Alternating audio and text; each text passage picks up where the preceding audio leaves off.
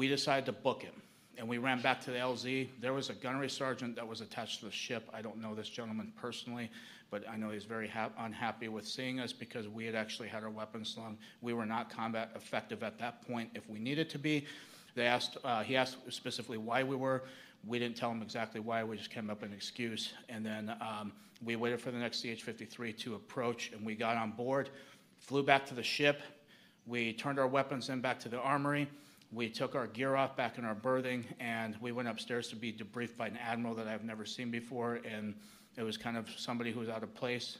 I don't know if he has any kind of um, relevance to this at all, but if that's the case, if he does, I hope he comes forward with that information. It would be very helpful. So, as uh, we're going to go ahead and fast track to a couple days later, which we end up in Subic Bay, which is like the party town in the Philippines. There's more. so um, we had three days there of liberty. The first night I come back, because we had to report back to the ship each night, we were not allowed to stay out in town. Um, my rack was on my cam, or my camera was on my rack, and the memory card that was in it was out, and my battery was out of the camera, missing as well. So all of that was missing. The only thing that was there was the camera. Mind you, I had my locker secured. I had other stuff that was basically piled on top of that camera. So whoever did it knew what the hell happened. So um, after that, um, the other thing that was also notable with that was each of the Marines that were with me also had their cell phones taken that they brought. Even though they didn't bring them on the mission, all their stuff was missing. The other stuff, the other people in the actual platoon never had their stuff touched. It was only us six that were affected.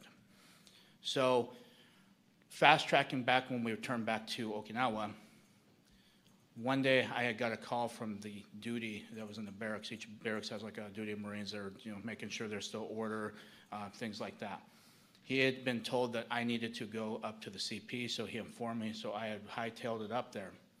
And oddly enough, there was nobody in the building except for one gentleman who was uh, wearing Air Force dress blues that was missing a name tag, which I understand in Air Force policy or regulations that they were supposed to wear a name tag, and he did not have that.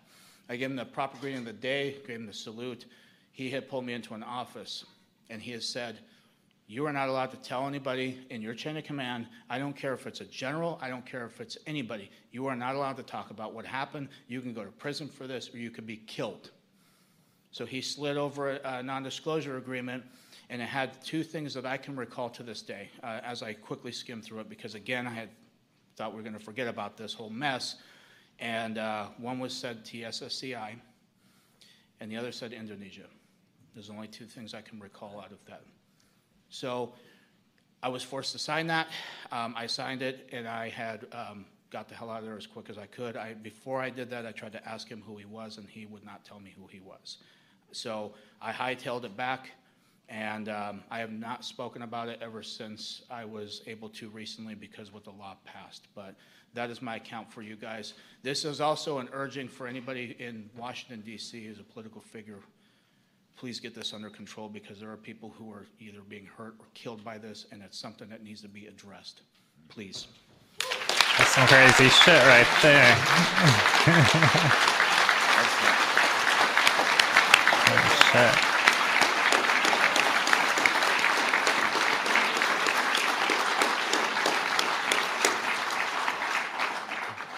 Thank you, Mr. Heckert. I do want to share that also when we reached out to him, we have the names of the other five people in the platoon.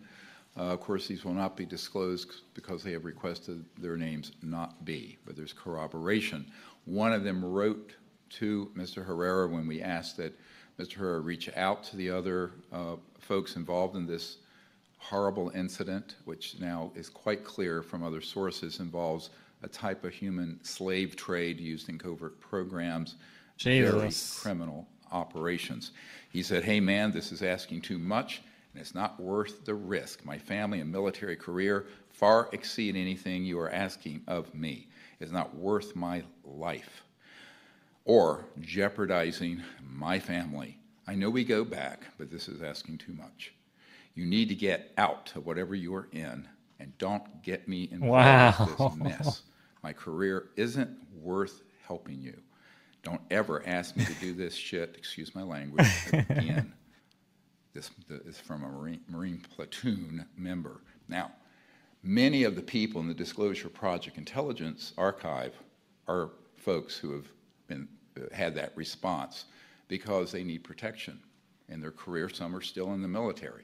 One I'm dealing with still has a TSSCI clearance who, who contracts with one of our agencies uh, here in, outside DC. So I think that this has to be dealt with in, in an orderly fashion immediately by the Congress and by the President. Next, I'd like to introduce uh, Stephen Digna Jr. He's a U.S. Army uh, uh, veteran, uh, disabled uh, due to an incident.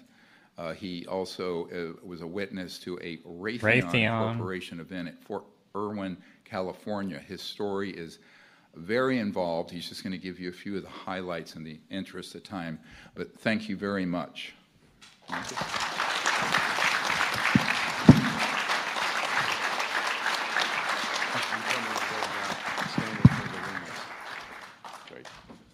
Good afternoon, everyone. I'm going to look down and read this. Uh, I have a brain injury, uh, so it gives me problems. So I apologize.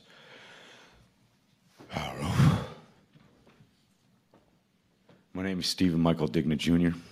Uh, doctor, I'm sorry. These are slipping my hands here. That's okay.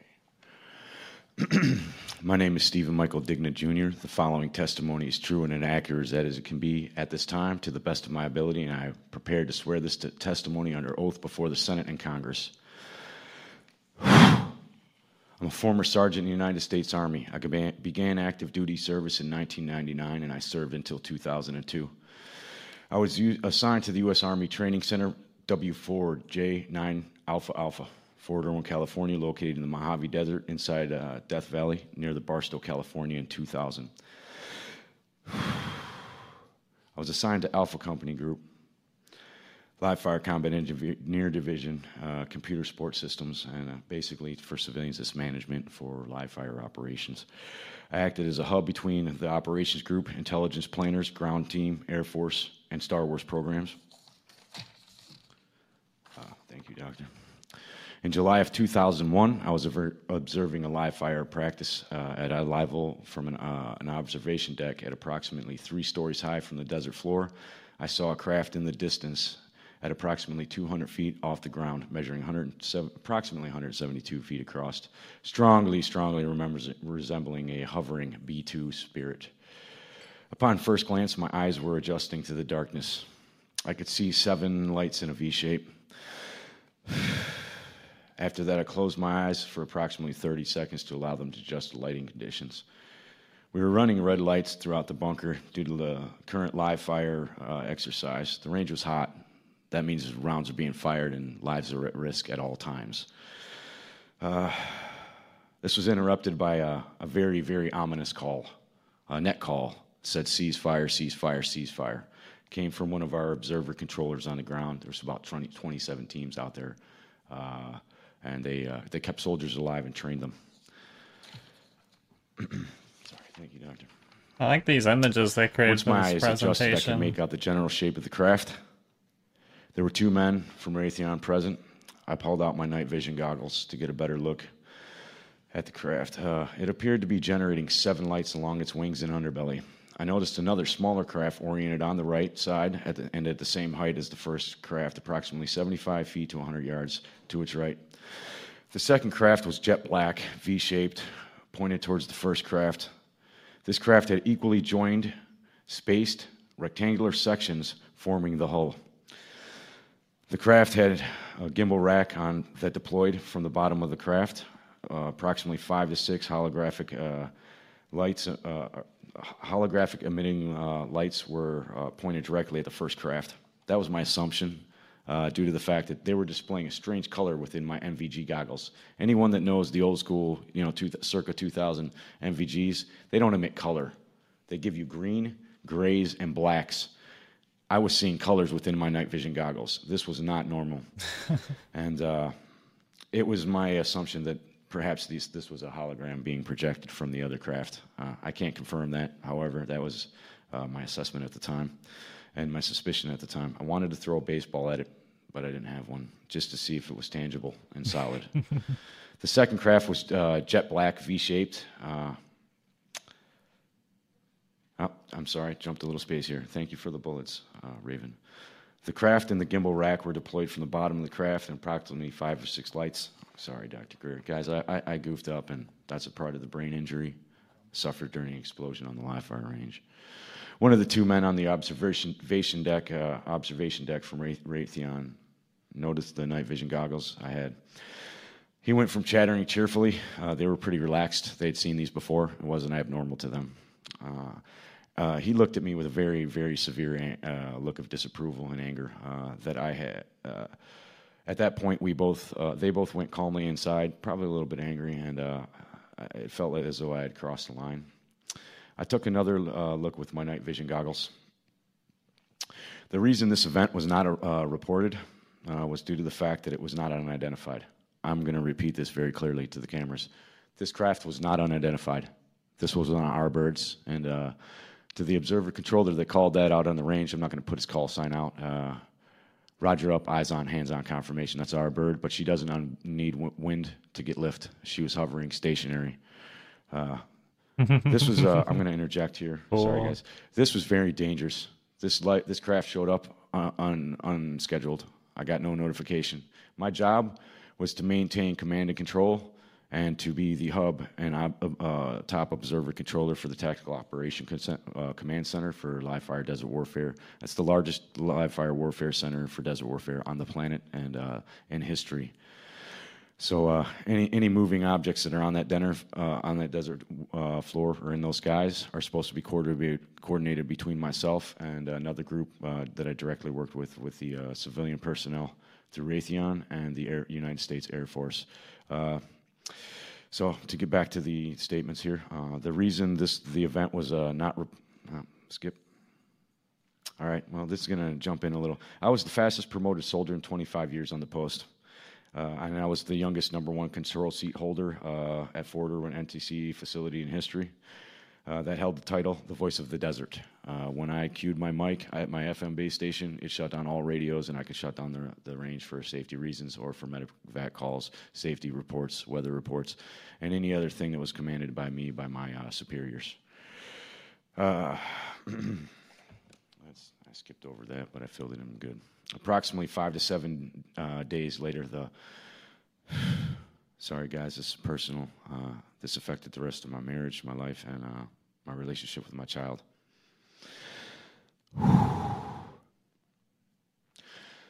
Damn. Approximately five to seven days later, follow, the following incident took place on Fort Irwin Road. It's the one road leading uh, into the base. During the weekend pass after the show, uh, my wife and I had uh, taken a pass to go see a movie. Um, and it, this this took a place right after the live fire bunker, about five seven five to seven days afterwards. We skipped the second movie or halfway through. Uh, I was really tired, just got back from running the range, uh, 78 hour shifts with no relief. We passed a dry lake bed on the right hand side. I've got that exact information already turned into the proper authorities. Thank you, Dr. Greer and all of his team. Um, people out there, please get ready to come out. The saying they got an old uh, old friend of mine, well, new friend, but uh, he reminded me of an old saying they have at Fort Benning, Georgia. It says, Follow me. There's another saying we have at the Signal Corps Academy. It's, uh, it's on the badge. It says, Pro Patria Vigilantes, or Vigilis. That means watchful of the nation. And then there's another group of men that I served with, and I tried to keep them alive every day to the best of my ability. Same guys that blew me up and I still love them today. And I ask for amnesty for all of the information I'm going to hear, say from here on in. Is uh, these boys are on the ground, on the hottest spots in the planet, along with these other soldiers, and they're dying out there. They're out there killing people under false pretenses. I've also turned information in that may be able to prove that to the proper authorities, thanks to Dr. Greer and his team. His wow. team so far has been accommodating, polite, honest, respectful. And this man is my new general. He leads the way. So rally up, rally on me. this man is the way. He speaks the truth, he is sound. Apologize, Dr. Greer. I've been waiting to say that for a long time. Uh, I thought they would laugh at me and look at me like I'm a lunatic. However, I brought my data. I brought, I brought the information. They stripped my information, said I had a driver's badge and a service ribbon. Uh, I had two accommodation medals, and I had total seven certificates. They put me in for an ARCOM, which is the highest award you can get for uh, for a non-deployable base. I'm a non-combatant, but I'm as close as you can get to being one. Those boys out there, we receive KIT reports every day. That means killed in training. Had I been in a real tactical operation command center uh, or bunker on the range, like the one that just got hit in Ukraine, then I'd be sending men out to die every day. Those guys hated the voice of the desert because we gave them commands to send their troops into danger and to death, even if we knew that they were just the decoys for the real mission. So Wow. gonna have to jump back to this. I apologize, Raven and everyone, for, for going off track, but that had to be said. Uh, back to the story in hand. This isn't a story, it's my story. This is a real story. And uh, don't forget that. This is real. This can't be made up. And uh, I can give you the exact locations. I can drive Dr. Greer and, I, and all of the command, Congress, everyone there to the bunker. So we passed a dry lake bed on the right hand side. My driver's side mirror reflected a powerful white light into my eyes. I saw a bright white light pop up of, uh, out of the canyon that I had just come from. I looked over my, my left shoulder and saw a zipping light that zipped through the, the, the curves uh, in that bend, mimicking my exact, uh, my exact track and exactly the speed that I had had. Suddenly, all I could see was a bright light through all of my windows, and at that exact same time, my car's power steering and, and the engine's electrical system, everything died, completely died. Uh, when, uh, when I exited the vehicle, I rushed towards the front end of the car, believing there was someone pointing a floodlight at us. I had some words to say to that man. I stepped through a thick field of white plasma that encompassed, co- encompassed a spheroid craft. As I turned to go inspect my, uh, the craft, my wife opened the door and she ran out towards the front of the car and she was yelling, Steve, no. She was instantaneously locked in place in a bright white field of plasma. As I looked at her, I thought to myself, it's okay, she's in stasis lock. That, that plasma enveloped her body with about six inches. I heard a female voice calmly state, felt like it was in my head. Said, She is in stasis lock. It was a confirmation. Thank you, Dr. Greer. Relieved that she was safe, I started approaching the craft for further inspection. The craft and the car, uh, the craft and the car uh, were nose to nose at a 90 gr- degree formation. Uh, if you looked at it from a bird's eye view, it would be in an L shape, nose to nose. The craft was, uh, there was a plasma field emitting approximately 12 inches off of the craft inside this white plasma field. The craft seemed about trum- uh, approximately 23 feet long. I stepped forward with my left hand extended and slightly reaching out to it. Don't The touch it, craft uh, bro. responded to my movement. Um, this startled me slightly, but I took it and stood still, uh, just in case. Uh, by moving back and pivoting the nose away from my hand like a cat or a boxer, and it felt like a cat to me. Uh,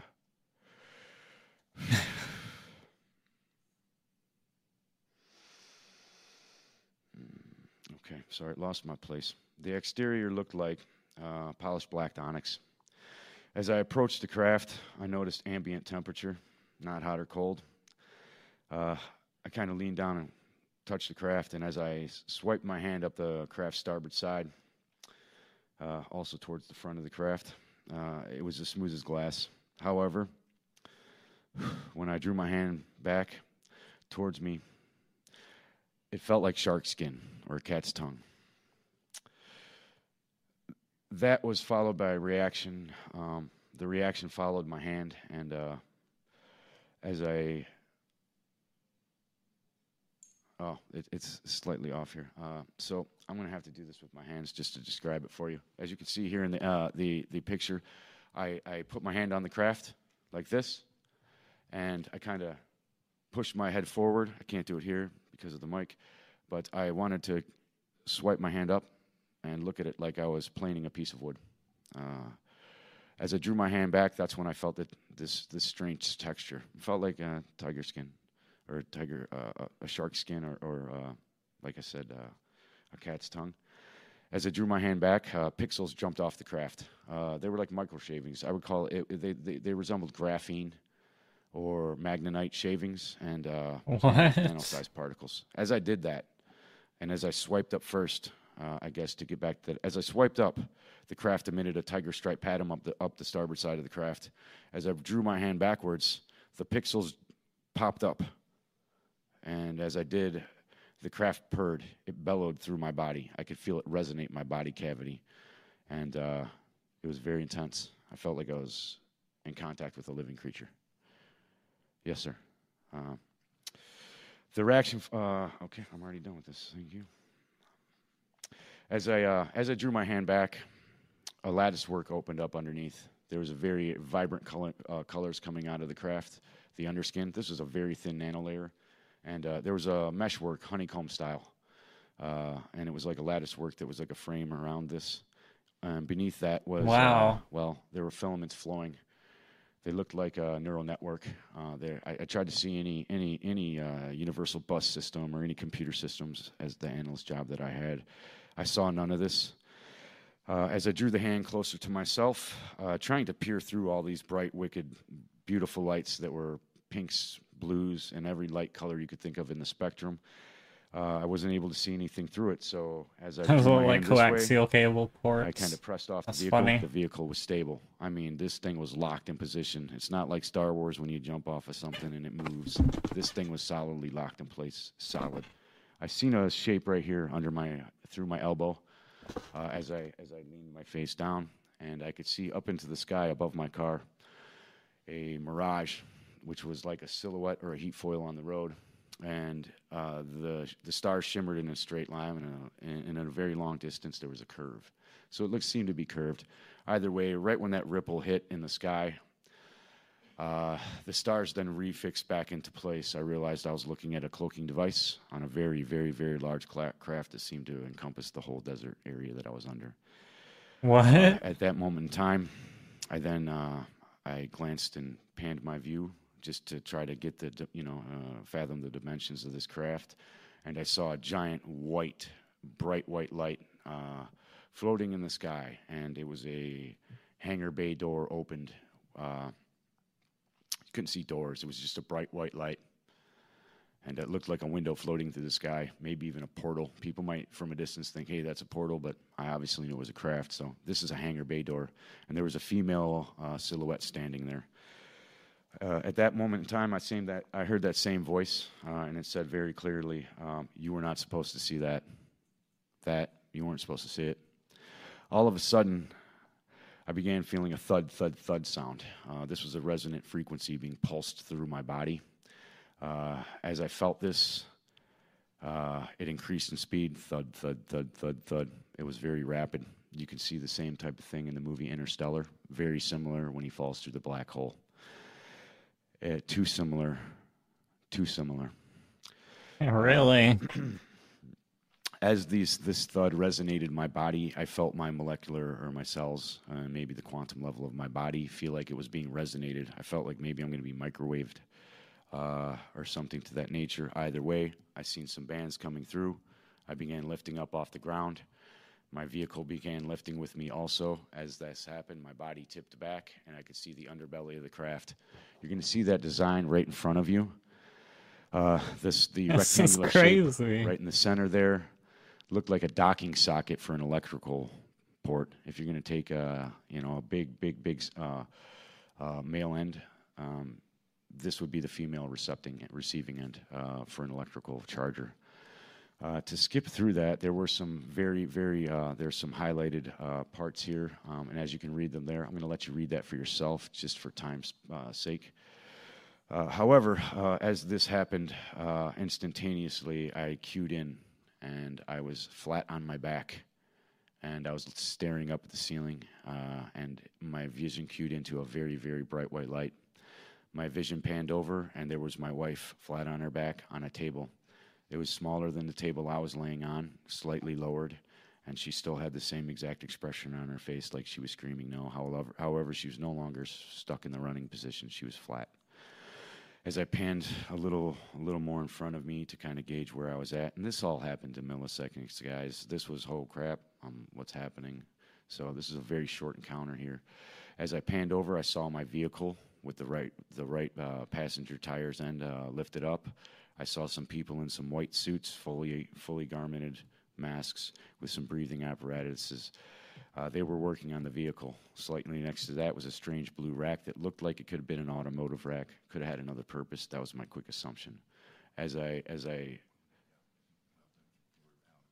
Oh yes, sir. Uh, thank you, sir. Uh, yes, sir. So uh, after that had happened, uh, I saw a female right next to me. She was taking some samples from me. It was a human female. She had red hair. Uh, she had very fair skin. Uh, and uh, after that moment, I also, as I panned over, I could see the window and the desert behind me. I realized we were not in space. I could see the desert floor. I could see the exact two rock formations and one far off in the, in the distance. Uh, so this is pinpointed by, by GPS coordinates. So uh, after that, uh, I panned a little more over, and as I seen this open up uh, and the bay, the bay door behind her open, or maybe just transparent, and I could see out. Uh, I, I also seen that craft right here docked in the ship, and that came through me after trying to get these schematics down on paper while talking to Michael Scratch. So thank you, sir. This man went through PTSD with me. So thank you, doctor. awesome. That's insane.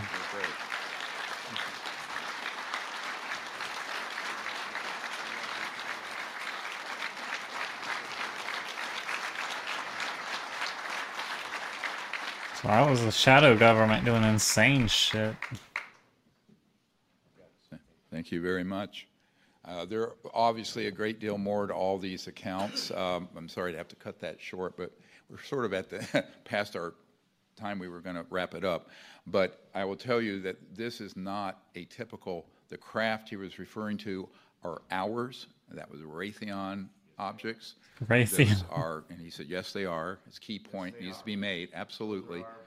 They have been used in simulated quote-unquote abductions.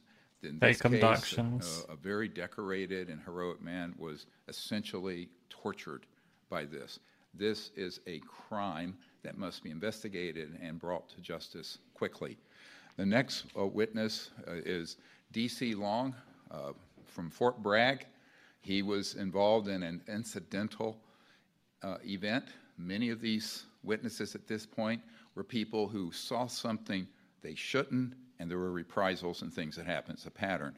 The ones that were read in for a number of years, like one man that I shared earlier, 10 years in those operations, those are the ones waiting for greater protection for themselves before they step forward, but we have many of them.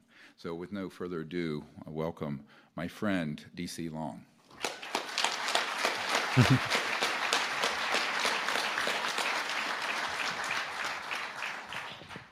I promise mine's going to be much quicker than some of these other guys, and this is the way I talk. So I apologize for that as well. Everyone that I've met here, I would love to go through every name. I would love to go through every situation. What these gentlemen have, we could spend years talking about it, just getting to all the moments and everything that meant the most to us. And unfortunately, I have a very short amount of time to do that. My military service began in 1997 and it stretched to 2013 until I was medically retired, injuries received in a combat jump. Ironically enough, the quick story that I'm going to tell you guys has virtually nothing to do with my military career until it got to the very end of the story. Long story short, my father grew up as a contractor. That was his entire life. He could build anything with his hands. He could tear it down and build it again for you. I segue that, and the only reason I bring him up is because my father is how I got tied into this story. As a government contractor on Fort Bragg, he met some people, he got friends with some people in the upper echelons in the military, the tip of the spear. The guys who didn't need the Army Corps of Engineers permission to build anything that they wanted. These people that I met, I met when I was 13 years old. We would go on hunts together. We would go on fishing trips together, riding their planes. They would take us all over the continental U.S. just to enjoy their time together. People that I thought were my friends. that I didn't know that they were in the military until years after I had been in myself. We meet up at 18th Airborne Headquarters by my father's request from me. He asked me if I could help him assist. We didn't know where the project was. We were told that we were going to be met by an escort from the JFK Warfare Center. He shows up. I recognize him as one of my father's friends. I overheard that the place we're going to be going is Range 19. I'd never heard of this place before, hadn't since. They put us in a van, no windows, no partition to the front. So we were joking, what did you say? Because we're taking you to Leavenworth. we show up at Range 19. The only thing that was directly in front of me looked like a bunker, 45 degree inches uh, from a concrete bunker, covered in trash. Looked like an actual dump. We open up, there's another escort, and they're waiting on us. They take us to a freight elevator. We take the elevator down. At that time, we were instructed keep your heads down, keep your eyes on the heels of the men in front of you, or you'll be fired upon. Damn. I've heard plenty of instances of military jargon. People like to jive each other. I didn't take it as a joke, but I knew enough to just do what he told me to. I didn't want to risk it. As soon as the the freight elevator opened, the first thing that I could see were a few personnel connexes to the right in a large hangar, maybe twice, three times the size of the area that we're in now. There was a monolithic slab directly in front of me that was being held up by nothing. The closer that I No, got the monolith from I felt 2001. Vibration inside of my body. I never felt anything like that before in my life. Never anything since. That's cool. But it left no sound. The loudest thing in that room was the silence and the footfalls of the people in front of and behind me. Wait, are they I got acoustic closer, technology to lift granite? Curiosity took over. Oh, my shoes are untied, so I go down. They're trying to figure out how the master builders built the pyramids there's and, shit. absolutely nothing. Holy fuck. This monolithic slab that, if I had to estimate, would That is be a monolith. 100 tons. Absolutely nothing holding it up. You can see by the picture, there's another boulder directly behind it. It was flat on the ground. There were two other people beside it. I could only see heels and feet. To the right, you could see what looked like a boulder.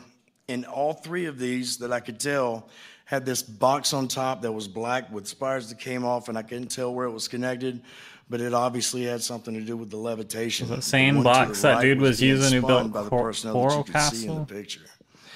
At this point, from my knees, the escort needed me in the back, said, Let's go.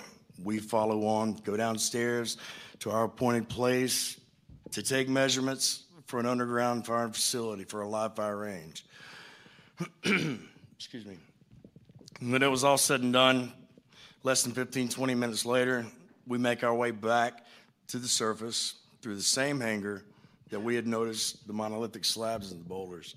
And there was absolutely nothing there. There was no noise for anyone taking anything out.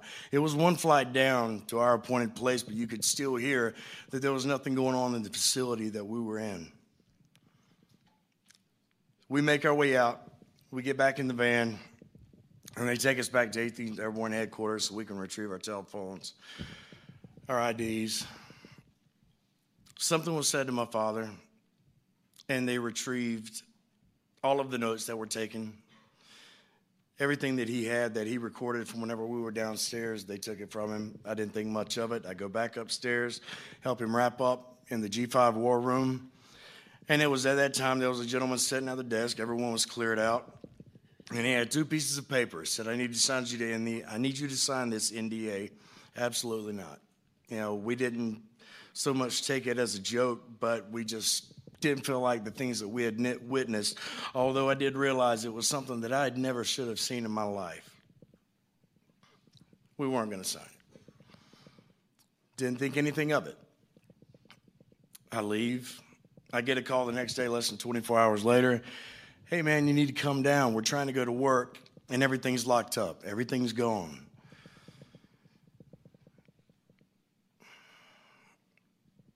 Everything that my father had worked for, from the time that I was a child until I became a man, became a soldier, and the company that had my name on it, everything was seized. Absolutely everything was seized. The pencils that he would use to make bid submittals to the Army Corps of Engineers was even taken because it contributed from the business. everything was taken. I can't illustrate that point enough.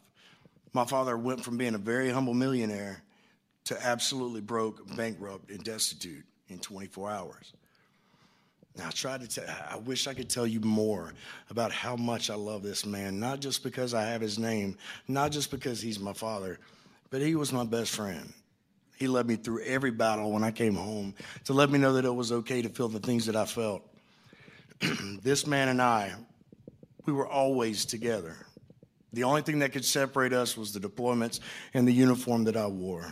When I got done with my fight, I found my father. When I was scared, I found my father, etc. This man that was my best friend looked me in the eye when I found him again and said, Hey man, do you think this had something to do with Range 19? Please pardon my language. My father looks at me and says, Don't you ever fucking bring that up to me again. That was the last time that I heard my father's voice in this life. That was the last time that we ever had any peaceful interaction, and that was as peaceful as it got. Shortly after, I continue on, and we had a JFEX. Any of my old paratroopers, they know what that is. It's a jump field training exercise, battalion wide. It's a big deal. There's only 12 men in my stick, getting ready to go out of the bird. I'm the first man looking at the horizon, waiting for the jump master to give me the signal. His hands raised. I notice at the right side someone coming up to my shoulder, and it's one of the escorts, one of the men that I knew personally from the time I was a child till I was a man and a soldier. He hooks up, he looks at me, gives me a wink. I didn't think much of it. To me, there was no danger at that point. Green light goes off, I get a hit in my back, and then something hits me in the side of the face, and it's a static line. The gentleman to my right, the man that I knew, threw his static line intentionally, and it snapped my neck. I go to fall out of the aircraft, deploy my combat pack, full oscillation. The only thing that I heard after that was the sound that my body made when it broke. When I woke up a month later, I was told that I was not fit to be a ranger. I was not fit to be airborne. I wasn't fit to be a soldier. My career was effectively over. Jesus Christ. Even throughout all this time, I could not reach out to my father. He wouldn't take my calls. He was homeless. I didn't know. I just thought he didn't want to talk to me. Eventually, I ended up in the same situation. This follows further down the road to about two years ago, whenever I finally was saved by someone who I didn't even deserve to hear the sound of their voice. I intentionally grown my hair past my shoulders, my beard down to my stomach. I was 135 pounds just because I was hoping I could hide. I was hoping I could get away from what put me in that position to begin with. I get a phone call. It was two years ago. We found Daddy. He's in the hospital. I go down to see my father. He couldn't speak. The man that was 6'4, 240 pounds, a superhero in my eyes, not just because he was my daddy, because he was a tough son of a bitch. He was laying in a hospital bed, 98 pounds. Wow. When the people who I encountered after the fact that had actually spent time, excuse me, and got my father out of his homeless situation to help him get back on his feet, to give him the drive, to get back to doing the only thing that he knew how to do was to be a government contractor. They put him back in contact with some of the people that he thought could help him. I can't illustrate this fact eno- enough. In the time span of three months, my father went from 6'4, 240 to 98 pounds, dying in a hospital room, and he couldn't even speak because the chemo was burning his lips. What the fuck? I told him, I love you. Don't worry about us. We're square. I want to make you proud. Before Dr. Greer and I came in contact with each other, and I'm almost done, I wrote my story and I entitled it, I'm Afraid to Say. And people have asked me, well, why did you wait so long? I mean, It's obvious why we waited so long to send it. Nobody knows this. My family doesn't know this. Dr. Greer obviously doesn't know this. When I sent that, I was planning on taking my life because they took every damn thing from me. I could handle losing my career. I was willing to die for my country. I was hoping like hell I would. Somehow I survived. And then they tried to take me again. They can have all that. I knew that when I put these around my neck. but my intention was to take my own life because I just couldn't do it anymore. I heard this man's this man's words with Sean Ryan. If good men do nothing, then evil men will prevail. I am damn tired of doing nothing.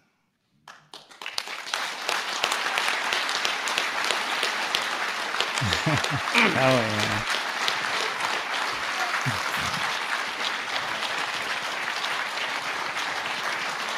This is the absolute last thing that I'm going to say to you. I was trained to never fight. Uh, excuse me. I was trained to fight, never give up, never stop, as long as you had a breath in your body. I gave my breath away. The people in this room, everyone that I've had the, the, the blessed opportunity to spend time with, I've heard you say that we're brave, that we're heroes, and it embarrasses me because I personally felt like I don't deserve to be in the room with all of you heroes because I would not have the words and the breath to come from my body if it wasn't for the strength that you give me when you shake my hand, when you hug my neck. Thank you so much. Godspeed.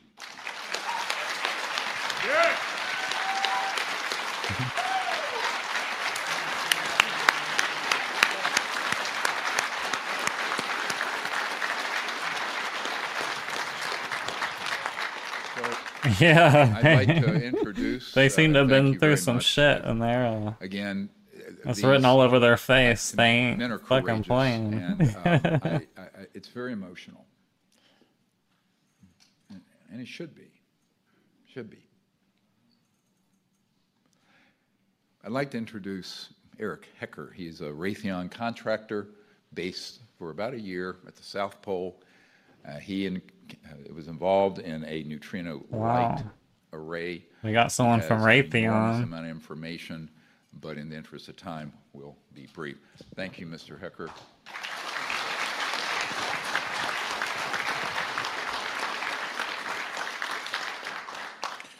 Hello, everybody, ladies, gentlemen, members of the press. Uh, I'm very happy that you're giving me this attention and this information attention because it needs to get out to the world. I will start, uh, since we have to be brief. Yeah, this doesn't seem like a grift. It seems like they're trying to provide evidence and they just want action taken. And Arrow. So I don't see what- informed me that all why they'd be lying or information will be recorded grifting. for public record and shared with Congress. It's more like an info dump and a call to action, is what this in all sounds like to 2010, me. I was selected to go down to the South Pole Station in Antarctica for an entire year by Raytheon Polar Services as an employee of a third party contractor for the National Science Foundation. I function in a dual role capacity as a tradesman and a firefighter. My responsibilities required me to be more informed than most of my crew and offered me complete access to the facilities. What I learned from this unique experience needs to be shared with the entire world. The technology at the South Pole Station certainly can do what it is presented as its primary purposes, and unfortunately, much more. The IceCube neutrino detector is presented as a passive listening device for the purposes of the science as presented. But I'm going to skip right through the chase, folks. Uh, I have provided documentation that proves that the 5,160, what they call DOMs, that are embedded in the ice can actually transmit at 2,047 volts each. That gives us a long list of things to consider.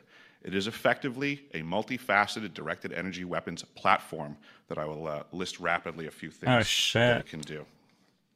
Holy. Vehicle detection. We're learning that these off world craft, on world craft, ours or other nations, are also emitting neutrinos.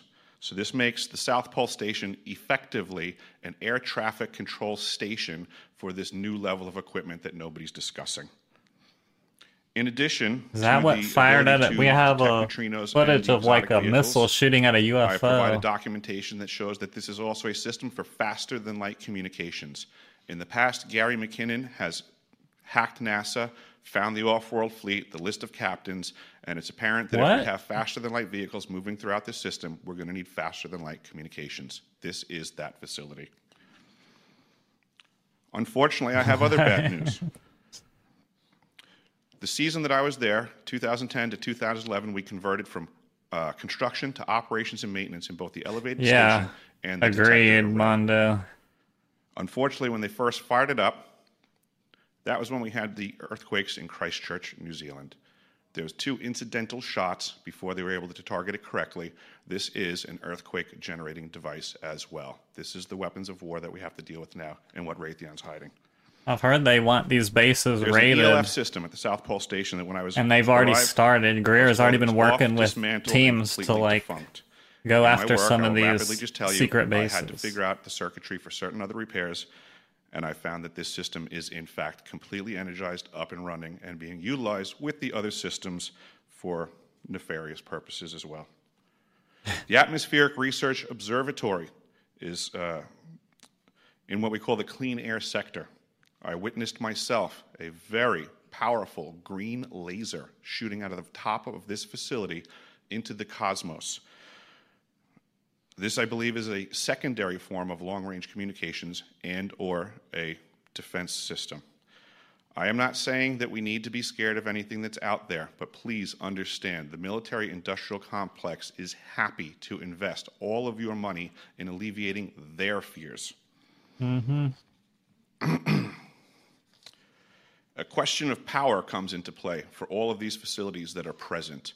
I assure you, I knew what was going on, I knew the load demands of the facility, and all of these new items exceed the demand for the systems that I was presented. I am doing due diligence and research. I believe there is either a secondary power supply there that is either nuclear, that uh, was there prior to the start of the Antarctic Treaty, which prohibits such things, and or that there is some sort of exotic uh, power supply system there that just is not in the verbiage of the treaty, so it negates the responsibility to the parties involved.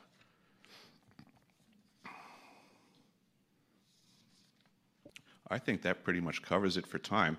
If anybody, if anybody wants to find out more, I have a website where all this information is at for brevity. I'll wrap it up, but you can go to deciphering.tv. I've documented all of this stuff, and information is That's available. brief, but insane.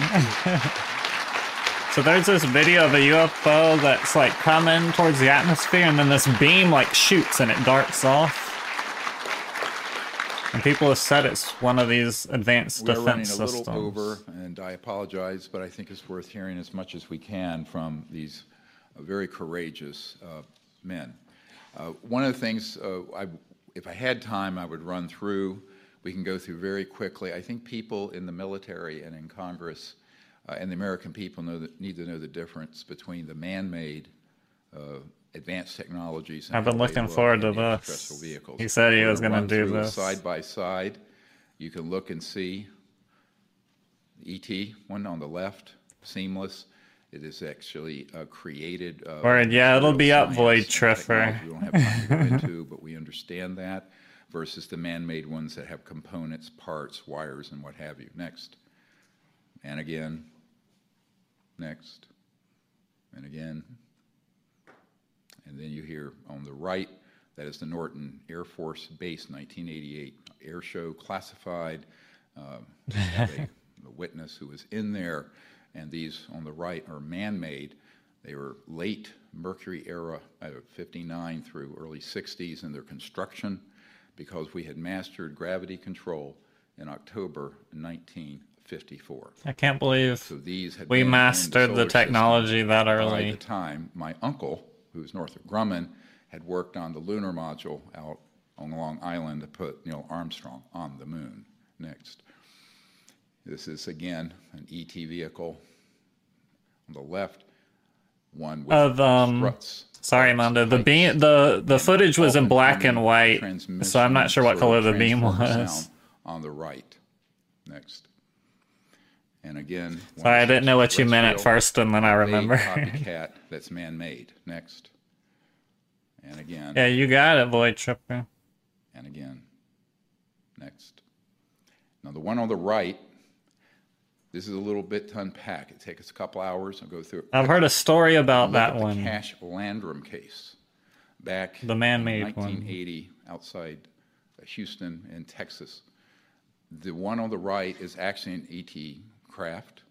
It was being, un, they were unable Oh. to figure out how to get its energy system to work.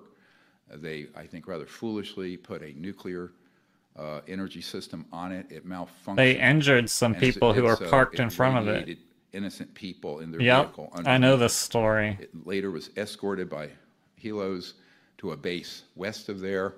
The man who debriefed the four human pilots of this and debriefed them, we know and we have his testimony. He's Air Force Office of Special Investigations out of Kirtland Air Force Base. So the Cash Landrum case involves civilian injuries. They tried to sue the government. The government denied they had any knowledge of it, but the constitutional government of the United States doesn't know this. This is the big problem. Next. And this, I want to just play this for a moment. We're in Washington. Here is an esteemed senator from Hawaii, and listen to what he said in the 1980s.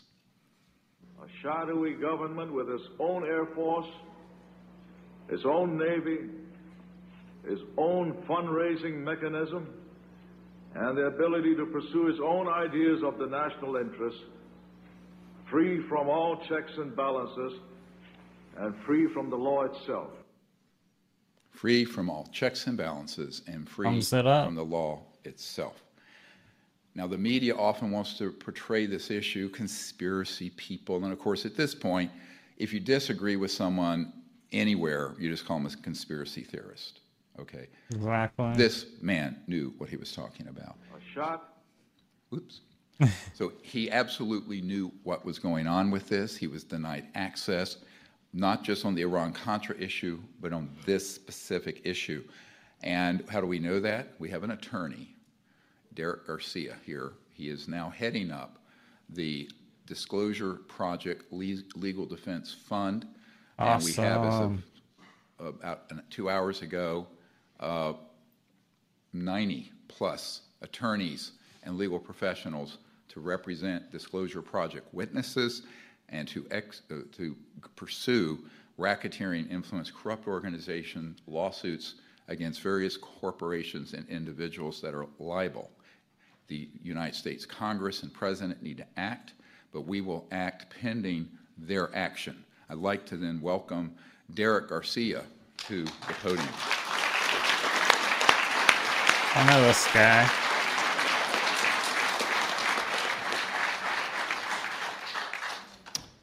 Good afternoon. My name is Derek Garcia. I'm a civil rights attorney from New Mexico.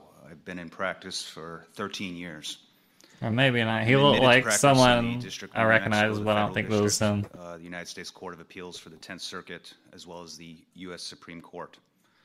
I'm joined in the audience by my colleague and attorney, Paige Fox from Illinois, and numerous attorneys who have now joined our legal team nationwide and internationally.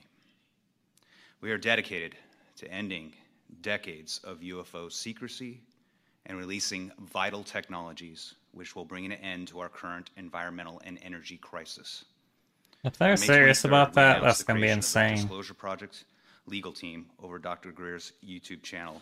Since our initial announcement, we now have over 90 legally uh, affiliated individuals, different practice areas and expertise, paralegals, law students, law clerks, members of law enforcement, and criminal investigators.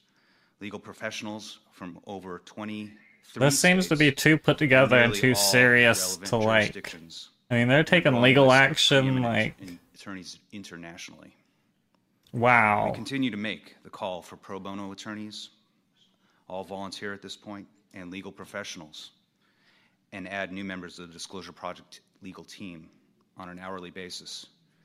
We have assembled a one of kind and strictly nonpartisan volunteer legal team for the purpose of moving disclosure forward once and for all. Thank Our goals are to legitimize the essentially TAFOs and promote public awareness as to the numerous related constitutional and legal implications. Mass murder. We wish to support the constitutional government in regaining full operational control over these secret, illegal, black budget, beyond black budget projects. And we will gain control over this issue for the first time since President Eisenhower. We will seek truth about propulsion and advanced energy technologies capable of solving world hunger, poverty, and the energy crisis. We will seek justice for those who have been harmed by non disclosure and technology seizure through filing civil RICO actions, Awesome. Bivens claims, and numerous and multiple legal theories They're not fucking around, aimed man. at getting to the ultimate truth on this issue.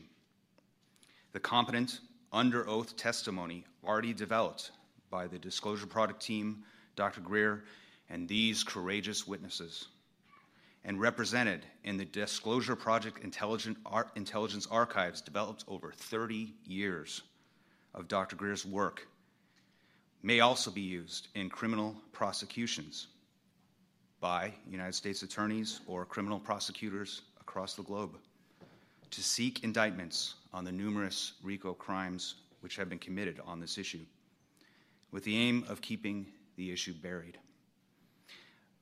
Just a small sample, and I know we're short for time, of the crimes that are directly related to this issue.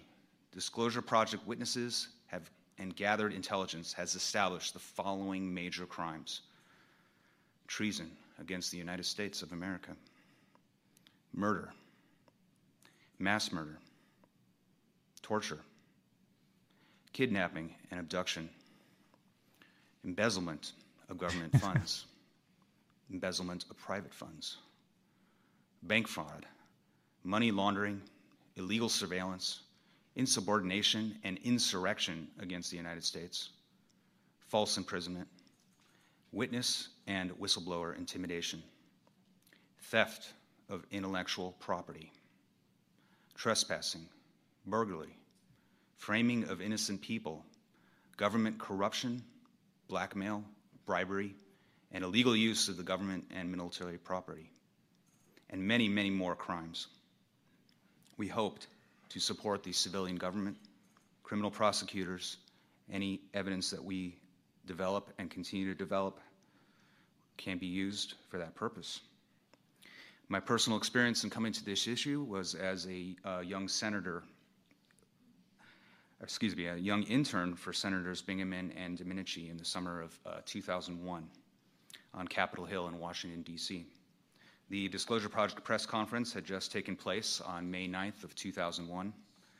During my internship, I distributed numerous copies of the Disclosure Project executive summary and briefing document and other written materials to various members of Congress and their staff, including direct submissions to leading members of the Senate in the underground subway system. Waiting in the hallway of the Hart Senate office building, I encountered a hero of our country, Senator Daniel Inouye, walking back from his office. I gave Senator copy, uh, the senator a copy of the Disclosure Project executive summary and asked him if he had heard about the Disclosure Project and what he thought of UFOs, extraterrestrial intelligence, and the possibility of these intelligences actually visiting Earth. Senator Inouye responded by hand signaling me to follow him back to his private office. He shut the door of his private office. Senator Inouye said he dealt with the UFO issue extensively while he was chairman of the Senate Intelligence Committee in 1976. Senator Inouye confirmed that he had seen the May 9th, 2001 Disclosure Project press conference here at the National Press Club, and that the testimony provided by those courageous witnesses at the time was substantially accurate and correct, based on his direct experience and briefings on this subject. Senator Inouye confirmed that many UFOs and projects related to such represented genuine extraterrestrial vehicles, and that this issue as portrayed by Dr. Steven Greer and the 2001 Disclosure Project witnesses, was real, genuine, and absolutely not a hoax. I asked Senator Inouye if it was true that a secret, unacknowledged entity or control group operating illegally inside the United States government, internationally, and or within the private sector among defense contractors and corporations had direct I wonder if there's the Black Hawk- of the UFO Black Hawk helicopters are encountering Senator in Skinwalker Ranch. statement that there exists a shadowy government with its own air force, its own navy, its own fundraising mechanism, and the ability to pursue its own ideas of the national interest, free from all checks and balances and free from the law itself, as stated during the Iran-Contra hearings in 1987. I asked whether he was exaggerating when he made this statement. I asked if perhaps he was speaking of another government. I asked many questions that day, but he looked to me and he told me directly that he was not exaggerating, that the illegal shadow government did exist at the time he made his statement in 1987 and continued to exist in 2001 during our conversation. And that the entity had thus far escaped complete scrutiny, control, and oversight by the legally authorized and constitutional government of the United States. Further corroborating documents and details to my personal testimony on this issue is available in a signed affidavit that I have executed concerning what uh, Doc, uh, Senator Inouye told me directly. Uh, for members in the media, I can definitely get you a electronic copy. We encourage you to uh, join our legal team um, by visiting uh, our YouTube channel or the disclosure.legal at gmail.com. And we thank you and all those in our nation and worldwide who have volunteered their legal talents so far as we continue to develop a strategy and approach that will stand the test of time. Show up, suit up, stand up for the future of your country and for your world. Thank you. Well played, sir. Thank you.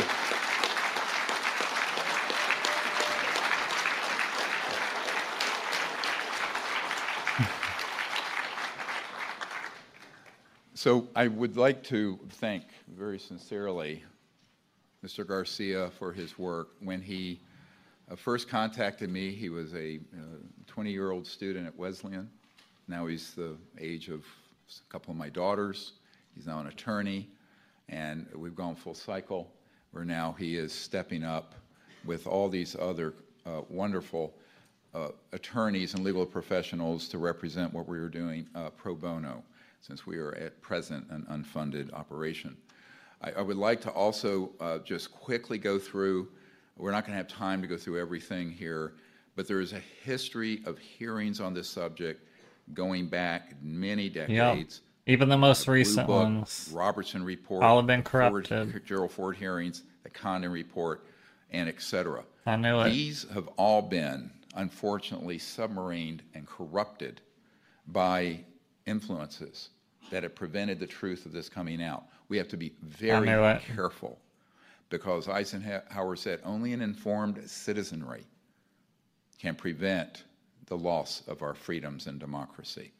I would like to uh, acknowledge how important, let's go through the signatures, the 16 members next of the uh, Senate who have written for the Pentagon to pick up its pace and further fund the, the investigations. But they have to have watchdog, external folks looking at that. That's what the Disclosure Project has to do.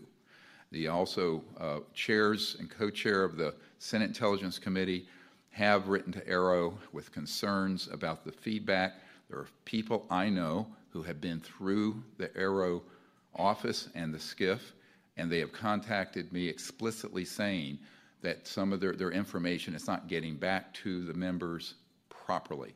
This cannot happen. The Congress has passed a law. The Pentagon and this office must comply, and the people of the United States must insist that they comply with I the law that has been passed. insist. Comply, bitches. We won't have time to go into this in depth. I just want to mention, I want to be extremely careful what I'm about to say, because it will be misconstrued by various folks out there. There are civilizations extremely advanced that are concerned with what we're doing.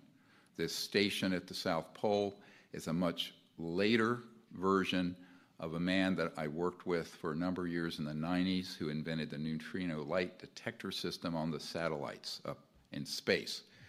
He knew then that these were being used, and this was in the 70s, to track, target, and destroy extraterrestrial assets in space and also around the Earth.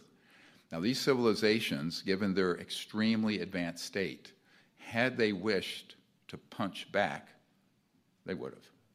However, they are inordinately peaceful, they are organized in a group, and we need to come forward as a people instead of looking at everything as a military threat and see that there's an opportunity here and there has to be diplomacy and science and disclosure of the truth in order to avoid a catastrophe.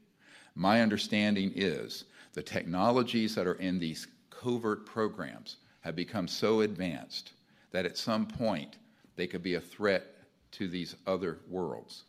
As such, it puts our entire planet at risk because of the unchecked power and technology of the illegal secret government projects. This is a much greater national security threat than China, Russia, Iran, or anything the news media is currently covering. Next. I want to give you a call to action. All of you listening, the citizens of the world, not just the United States. If you know someone who is a government contractor, Oh, hey, Anthony, and no. Uh, employee, Sorry. military, what have you, who has information on this, please have them contact us at this email address. Please write your members of Congress. We live in a democracy still. You should write to your two senators and your representative and the President of the United States expressing your concern and calling for open hearings. We need to network with our friends and families and get them to support this effort. You need, if you can, to contribute to our effort. I'm retired as a doctor, so you know. I You know, this video is on his. YouTube without me in it. If you Jackal. assist with the Energy Research Lab that we are proposing in the Lost Century, you'll see that, then please contact us. We have a $50 million funding need to stand up a open source energy lab. What does that mean? We would develop these zero point energy technologies and they would be released free of charge, open source to the entire world so we can quickly solve the environmental and uh, poverty problems we are facing. Echo Jar says, I've seen two strange crafts in Oklahoma that I believe are reverse engineered alien crafts. One had a spotlight Our pointing down at the clouds. The light went off and looks like something Batman would fly. or That's insane, Echo. Zero-point quantum vacuum system no later than 2026. That's awesome. That's very fast. That's a cool story. So we need your help. If you're a scientist who knows these technologies or in other capacities can help us, uh, hoping we get funding, we will call on you to be part of this multi-centered lab. In other words, we would have this lab streamed continuously. All breakthroughs would be blockchain distributed in real time, and there would be other affiliated labs Really? Well, like the working on this, so it could one not from be Las Vegas. That's down in interesting. place. Next. And in wrapping up, I'd like to share something that I learned from Colonel Philip those creatures that they saw could have been the robot death, when I creatures they're talking about if it was a he came forward, man-made as you all craft. wrote the day after Roswell. He had been involved in some of the technology transfer, and he had an experience out at the White Sands missile range back in the 50s. Pretty sure it was 1956, but I don't want to be, don't quote me on that. And he was part, he was a colonel. Uh, he was involved in these projects. There was an ET craft that came in daytime and came down over the range. He went out there with a couple of his guys. And this craft, it would be three dimensional and then vanish like a heat wave, like Stephen Digna explained, and then back again. Finally, it stayed. There was an ET that emerged, extraterrestrial. 420. biological entity. and he said the, the ET was communicating, please don't hit us with these radar. Can you get these radar systems out? You know, and, and was asking because they were operational. Of course, at that time they were operational at Roswell. I've heard him talk about this. They use cra- radio jamming to you know, crash uh, Air Force Colonel, and he says, "What's in it for me?" And the ET says, "A new world if you can take it." Now I was one. Now you know I have uh, twelve grandchildren. what kind of world are we going to leave them if we don't fix this problem? Because it involves peace, and we have to work towards contact that is in a peaceful paradigm. We have launched a very controversial project, as I get attacked the most for, uh, the CE5, or Close Encounter of the Fifth Kind uh, Contact Program, as sort of an experimental, community-based outreach to these civilizations. We have had a number of extraordinary contact experiences. This is sort of a prototype that the French government during the presidency of Sarkozy asked us to demonstrate, and we set up an operation in France that was protected where we did have events take place. Wow. I think we have to begin to ask what can we do as a civilian government where we don't try to militarize and weaponize everything we don't understand. Because here's the problem if you're a hammer, the whole world's a nail. And so we have to get this disclosed properly so that our brighter scientists, our academics, our Uh, drug running UFO was the 420 diplomats UFO. and the citizens can take the lead on this issue rather than an illegal and clandestine operation. Go watch the video without me, Topher. Thank you for your attention.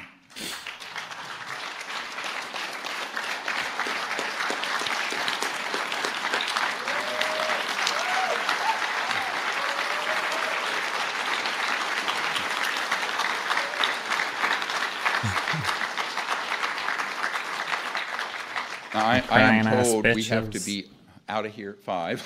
We've gone over about an hour, uh, and I apologize for that. But if there are any members of the press here that have a question, uh, you can uh, ask them, and we'll be happy to answer them briefly. Any members of the media? Yes.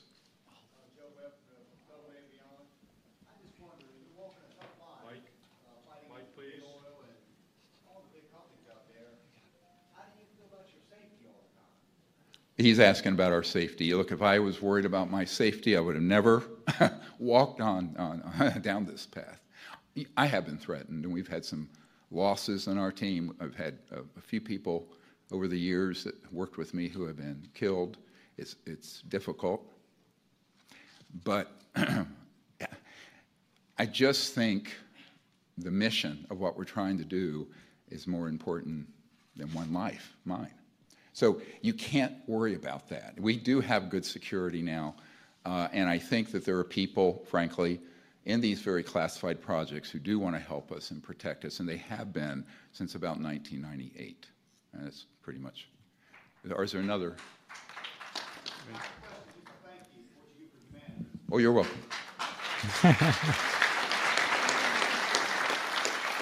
Christopher, is there anything we can look up regarding the anti-gravity in October of 1954 that you mentioned? Uh, My name's John Venture. Yes, uh, he's asking about my comment about gravity control being accomplished in October 1954. I wanna know Remember, my about team that. for many years was the uh, top scientist at the Naval Research Labs here in Washington, so one of the major Department of Defense labs.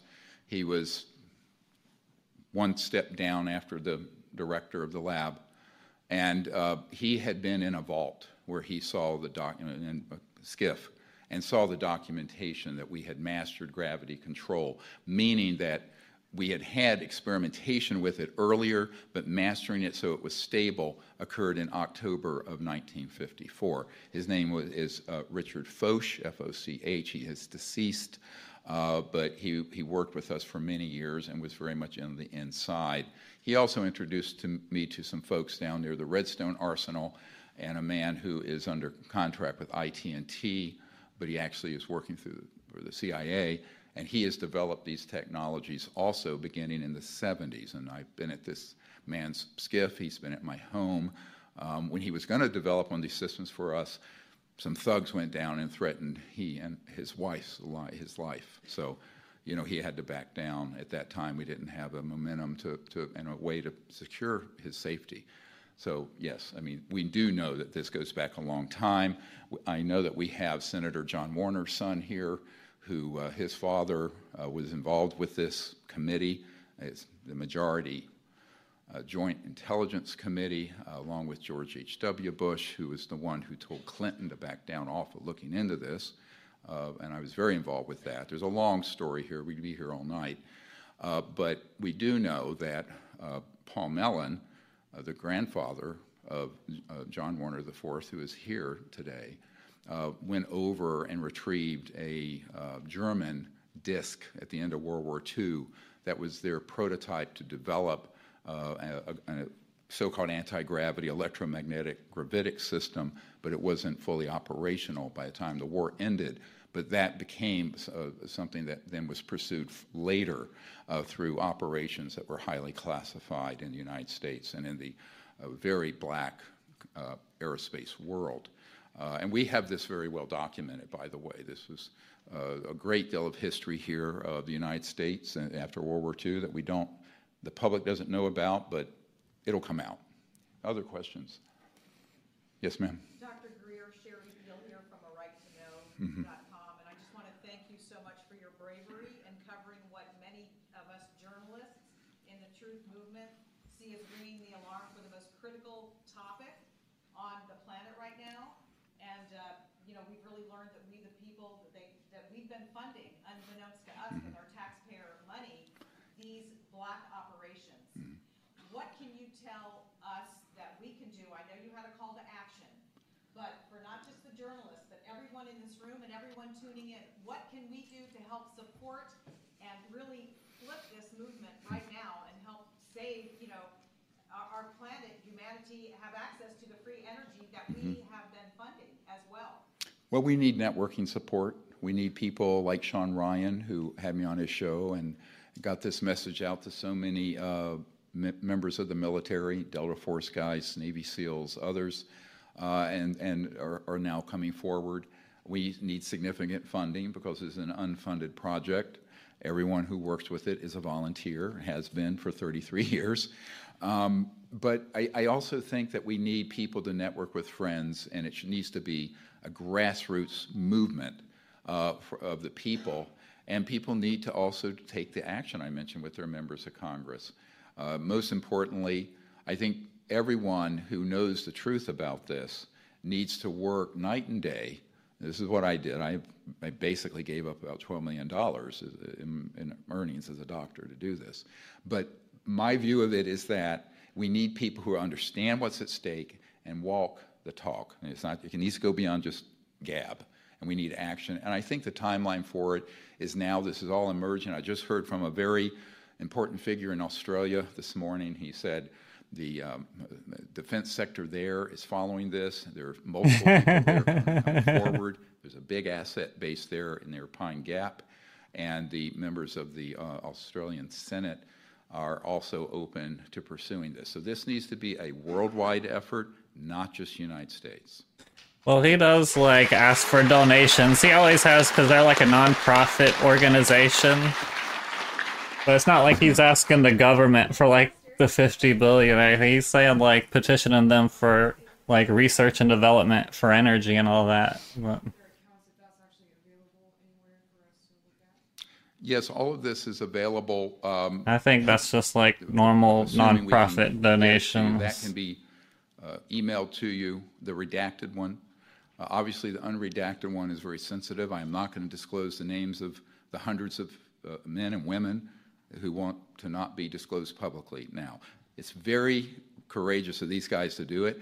I know what it's like to be put in the crosshairs of this subject and ridiculed and defamed for 30 years. So uh, these are very courageous people, but that list you can actually receive uh, as well as the entire facilities list. Now, the facilities list just gives you a location, doesn't tell you quite everything that's there. It gives you a little bit of a little blurb. Uh, but it's what we can provide at this point. Again, remember, any requests like this are being fulfilled by volunteers who have day jobs and lives. So uh, be patient with your requests and, and please co- communicate that to our staff or email address that I provided. Yes, other? Yes. Who are these uh, C-suite or henchmen for this ISG, just so we can be aware of who we're dealing with? the illegal secret government. Well, look, I know a number. I've actually met with a few of them over the years. Um, uh, he's deceased now, General Stubblebine. Uh, offered me $2 billion not to do what I'm doing in 1992. There were Wow. witnesses to this. Um, the level of corruption is almost unbelievable. We do have a man who's this former chairman of a major Fortune 100 company who wants to come forward, but he and his family have been threatened in the last month. So I've had these conversations, and this man, by the way, confirms that corporation has free energy. He regrets what he's done. He is retired, and he would love to see this come forward for his children and grandchildren. He's a decade or more older than me. So I, I, I, at this point, the ones who are not wanting to be named, I don't name. Uh, however, if there's a proper investigation out of the White House and the Senate,